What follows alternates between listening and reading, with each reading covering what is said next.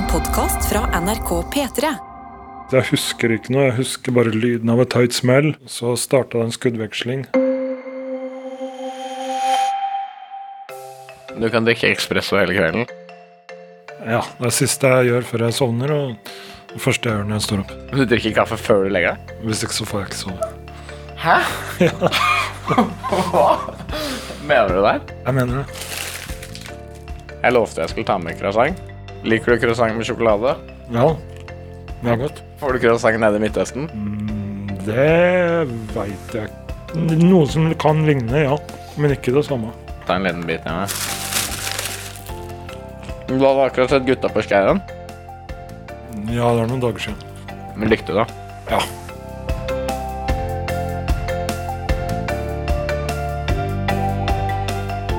Hei, hei, og velkommen til Statens mal for medarbeidersamtale. Mitt navn det er Sindre Reinholt, og jeg fyrer på meg en blazer og har medarbeidersamtale med folk som har yrker litt utenom det vanlige. Her skal de som aldri før har fått snakke om kompetansebehov og utvikling, endelig få gjort det, sånn som man ville gjort på en normal arbeidsplass. Navnet på dagens arbeidstaker det er Carl Håkon Gulbrandsen. Han er 31 år gammel. Han har nemlig vært i Syria og kjempet mot IS. Og stillingstittelen hans er fremmedkriger.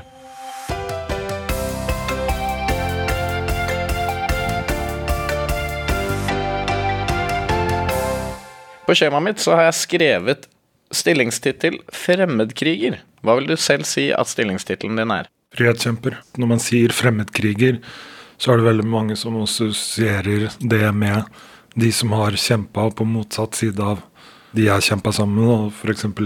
IS-krigere og sånn. Men da sier vi frihetskjemper. Da kan medarbeidersamtalen starte. I dag så skal vi prate med Karl Håkon om hvordan han har det i jobben, hvilke utfordringer han har, og til slutt så skal vi prøve å komme opp med noen tiltak som kan hjelpe han til å bli en bedre frihetskjemper. Sammen så er det altså slik at vi skal gjennom fem punkter, og i punkt én så skal vi se på de ulike arbeidsoppgavene Karl Håkon har. Vi starter fra toppen. Pusse våpen. Trives du med oppgaven? Ja eller nei? Ja, Mestrer du oppgaven? Dårligere enn forventa, som forventa eller bedre enn forventa? bedre. Mange ganger øvde jeg på å ta, ta fra hverandre og sette sammen og, og pusse våpenet med, eh, med bind for øya. Noen ganger gjorde jeg det for å liksom lære meg å kjenne våpenet bedre og, og sånne ting. Det er et verktøy som kan redde livet ditt. Og da er det viktig at det funker når, det, når du plutselig eh, trenger det. Har det redda livet ditt noen gang? Det er, van det er vanskelig å svare på, for det er, det er, i, i en skuddveksling så veit du ikke om det er dine kuler eller nabomannen sin kuler som traff fienden. Kaste granat. Trives du med oppgaven? Nei. Hvorfor trives du ikke med det? Jeg veit ikke. Jeg trives med alle våpen. Det eneste våpenet som jeg ikke trives med i, i det hele tatt, er granat. Jeg har aldri likt å gått med granat eh, på vesten eller i beltet, på beltet. Jeg har liksom følt at den liksom kan gå av når som helst. Jeg, jeg, jeg veit ikke. Jeg bare har en sånn ekkel følelse med at det er så lett at den bare kan gå av hvis jeg må hvis jeg må krabbe på bakken eller noe sånne ting. Altså det, jeg har aldri takla følelsen av å gå med granat. Og når jeg kaster den Det er med sånn derre Jeg vil ikke si redsel, men altså en liten sånn frykt, da. Eh, Så jeg kaster den ikke like bra som jeg burde ha gjort. Kjøkkentjeneste. Trives du med oppgaven? Ja eller nei? Eh, Ja, Mestrer du oppgaven? så absolutt dårligere enn forventa. Men du trives? Ja, jeg syns det er liksom eh, Det er en viktig arbeidsoppgave i løpet av dagen. Å være med på å gi eh, måltid til andre, det, gir- det syns jeg gir en god følelse. Det jeg ikke takla, det, det var å lage måltider til et større antall personer. Ja. Da var det noen ganger så svei det seg, og så Tok du noen ganger noen norske tradisjoner inn i maten? Altså, serverte du sodd, eksempel? Nei, men vi hadde mye matretter der som kunne vi, Som kan minne på på, på visse måter, da, som kan minne på eh, norske matretter som sodd og sånn, men litt andre varianter og typer og sånn.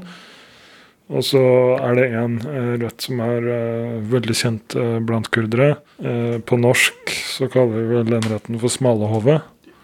Er det vanlig blant kurdere? Ja. Eh, Det lages ikke nøyaktig på samme måte, men i store og det hele så er det det samme. Hvor lenge har du vært i Norge nå? En måned. Hvor lenge har du hadde vært borte? Sju år. Hvordan er det å komme tilbake? Det er rart. Hva er det første du liksom tenker over når du lander? Uh, en sånn følelse at du liksom har bokstavelig talt har nesten har ofra liv og lemmer for en sak og for et folk som jeg ikke har opprinnelse fra selv, og brukt så mange år der nede. Og så sett hva folk har ofra for å kunne gjøre så veldig enkle ting som å få lov til å snakke sitt eget morsmål. Komme hjem til Norge og så lande der og vite at her kan jeg si hva man vil og gjøre hva man vil uten å, uten å bekymre seg noe som helst for det. Det er en eh, rett alle burde ha. Og når jeg da, da landa her i Norge, så var det en sånn veldig sånn rar følelse. En Sånn, det er en sånn, jeg, jeg klarer ikke å forklare det, men uh, lukta av hjemlandet liksom, og lukta av der og sånn, det, den har jeg savna. Fordi du var i uh, Rovania nå, ikke sant? Eller Hæ? Du, du var der du kom fra nå? Faen. Ok. Rojava. Hvordan var kontoret ditt i Rojava? Det var sand og ørken. Men nå er du i Norge, og vi er ikke på det kontoret. Jeg hadde ikke muligheten til å komme deg og besøke deg der. Hvordan var det du starta med dette? Jeg blei kjent med en kurder på, på videregående. Så fikk jeg vite om noe som het Kurdistan, og at det var et folk som het kurdere, og at kurdere er et, eh, er et folk som kommer derfra og derfra og derfra. Ja. Og at de eh, har blitt eh, drevet på flukt, og at eh, landet deres er blei delt, delt opp mellom, mellom fire, fire land. Og det engasjerte deg såpass mye? Det han fortalte om kurdere og deres kamp, da, eh, det var noe som satt satte en gnist i meg. Hva sa moren din første gang du fortalte at du skulle ned og kjempe mot IS? Hun døde en god del år før jeg reiste ned. Faren min han var ikke så veldig blid eh, for at jeg reiste ned. Eh, når jeg reiste ned, så var det bare et par kurdere eh, eh, som visste at jeg skulle nedover. Eh, så jeg sa ikke til noen før jeg, eh, før jeg reiste ned til Kurdistan. Var du redd? Nei. Da har vi fått et tydeligere bilde av hvem Carl Håkon er, og hva han driver med. Nå skal vi ta en fot i bakken, fordi det er dags for punkt nummer to, som heter statusgjennomgang. Hvordan ser en vanlig arbeidshverdag ut, eh, og da nede i Rojava? Det er ingen dager som er vanlige. Nei, altså en typisk dag. Vi står jo opp veldig tidlig eh, på morgenen og rydder og vasker. Så er det frokost. Så er det gjerne kanskje en halvtime eller time med lesing. Og så er det kanskje gjerne en halvtime, time med korte joggeturer og tøying og bøying og eh, sånne ting. Og så er det å se etter vaktlister og om man er satt opp på, på en vaktpost eller ikke, eller om du har kjøkkentjeneste den dagen, og så innrette seg etter det. Før jeg ble skada, da deltok jeg i militært arbeid. Har du vært eh, redd noen ganger når du liksom på morgenen? Nei, aldri vært redd. Hvilke mål har du hatt det siste året? Det siste året så har jeg drevet mye med eh, sosialt arbeid og politisk arbeid i, i Rojava. Hva har ditt mål vært der? Det har vært å eh, lære mer om, eh, om meg selv. Lære meg selv å kjenne, og lære også samfunnet i Rojava. Nå har vi fått litt innsikt, med trykk på litt, i hvordan det er å være frihetskjemper. Vi kan bevege oss videre til punkt nummer tre, som heter karriere og motivasjon. Her skal vi se hva Carl Håkon ønsker å oppnå i jobben sin, og hvorfor han ønsker nettopp det. Hvilke mål står enheten ovenfor i året som kommer? Enheten. Ja, enheten er deg. Jeg har eh, som mål å lese en del. Eh, Jeg har ikke lest så mye som jeg skulle ha ønsket. Lese hva da? Kanskje norsk historie. Eh, Jeg kan veldig litt om norsk historie. Hva er dine ambisjoner? Helt til uh, siste kurder kan uh, eksistere uten fare for sitt eget liv. Da er jeg fornøyd. Nå vil jeg at vi skal teste en ting. Uh, Hvor ser du for deg om fem år? Hvis du lukker øynene nå. Øynene og slapp av. Ok, lukker øynene. Ja. Hvor er det du ser deg for om fem år? Det veit jeg ikke. ja, men det veit jeg seriøst ikke. Hvor, men hvor lang er horisonten din? For du, sier, du, kan ikke si hvor du er om fem år. Men eh, uh, veit du hvor du er neste år? Det veit jeg ikke. Det får tida vise.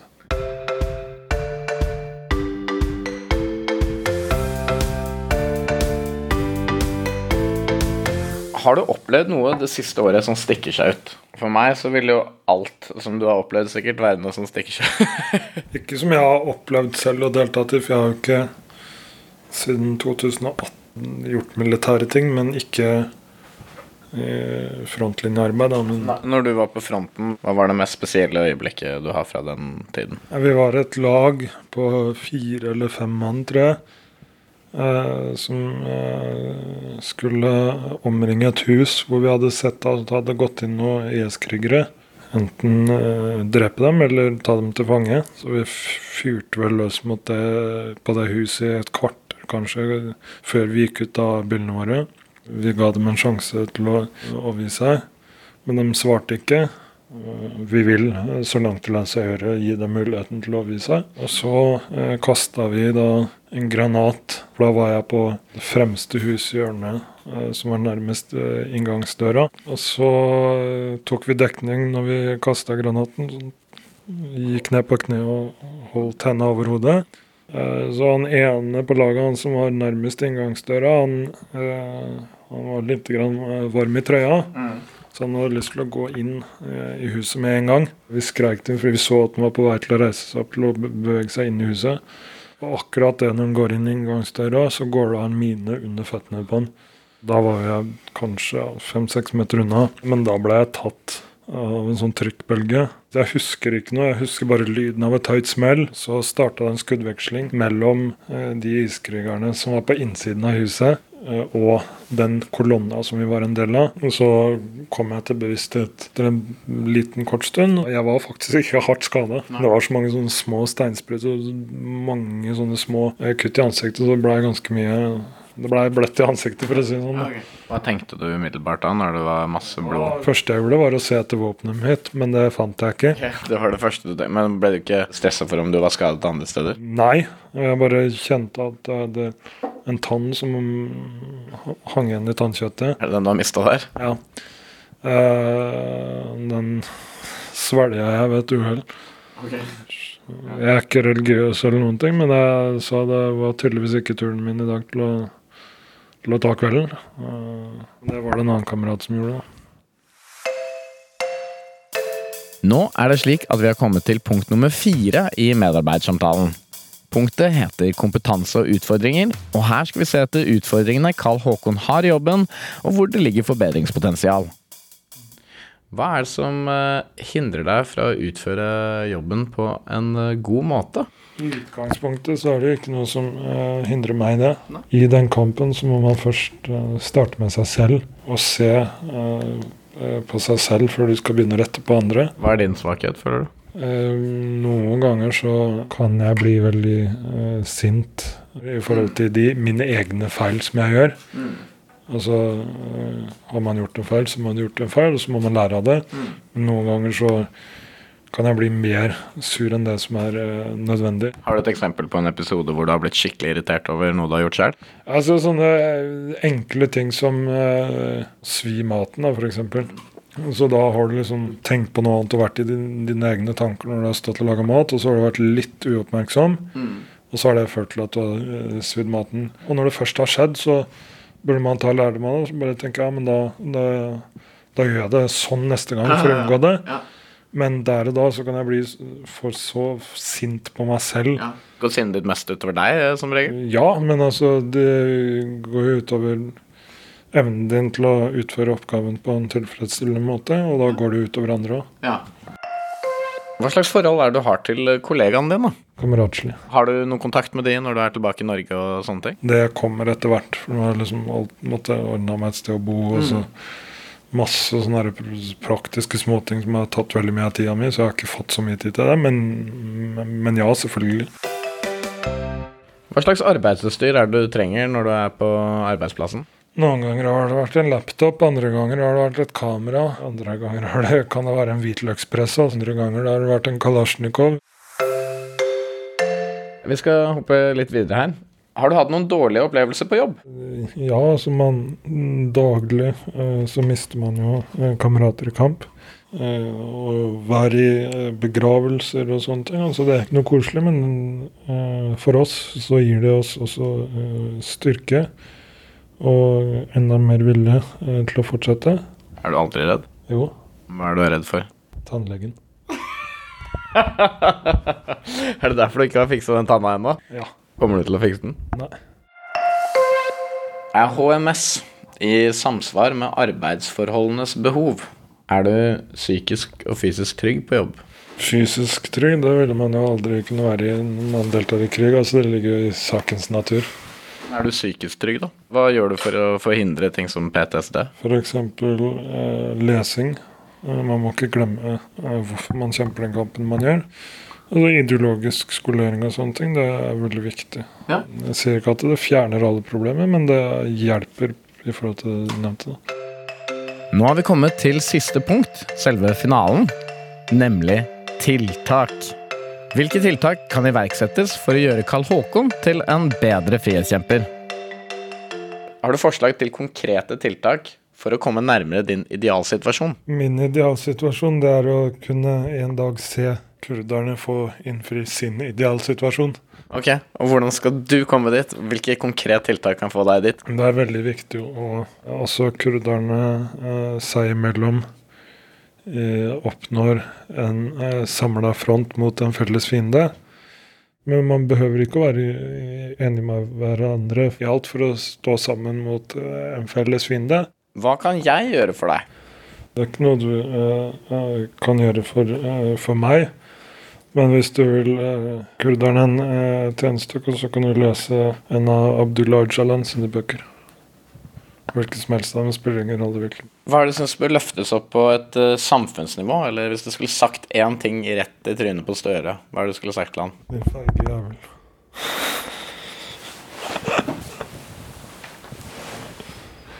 Eh, For å være helt ærlig, så, så er han en feig jævel. Hvorfor det? Han er en passiv idiot som altså Av alle disse statslederne, så er den ene den er mer inkompetent enn den andre. De er bare en brikke i et eh, system.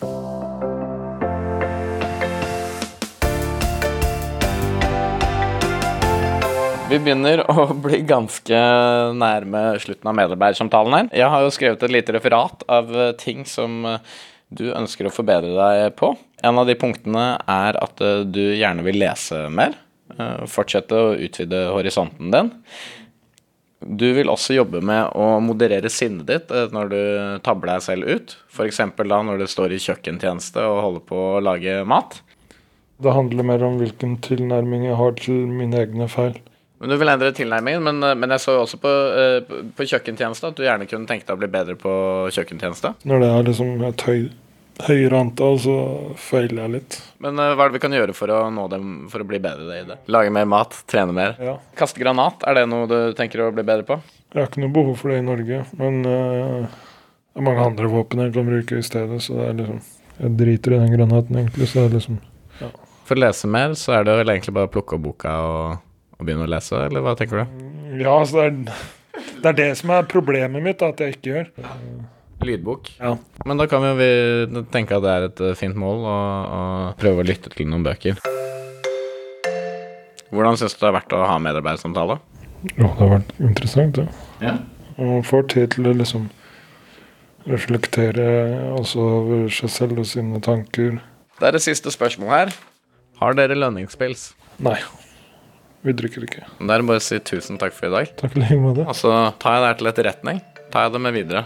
Biji kurd Kurdistan, biji shara shara java, gele kurd, biji yaktia gele kurd. Og for meg som ikke kan kurdisk. Du kan spørre kollegaene dine. Ok, Da høres vi. Og det betydde visst lenge leve Kurdistan. Denne podkasten er produsert av Jakob Naustdal og meg, Sindre Reinholt. Redaksjonslederen vår er Kjersti Havdal, og ansvarlig redaktør er Ida Jevne. Tusen takk for at du hørte på denne podkasten. Det er jo ingen selvfølge, det. Neste episode så møter vi en person som jobber med det her. Alle står sånn her rundt deg og er sånn Når, når skal Erla åpne seg? Når, når skal hun dele? Virkelig med åpne armer. Men det går bra. Det går bra.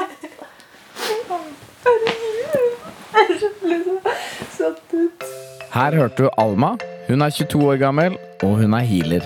Og det er den neste personen vi skal ha medarbeidersamtale med. Vi høres!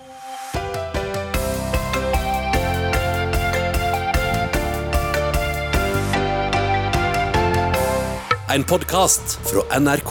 Over hele verden skjer det merkelige ting på himmelen som like gjerne kunne vært henta fra science fiction. They've been receiving radio signals from a distant galaxy. Ufo-observasjoner, konspirasjoner og hemmelighold. Hva i all verden er det som skjer der ute? Å, fy fader! Jeg filmer det! Jeg har det på tape! Jeg heter Line Elfsåshagen og jakter på det ukjente.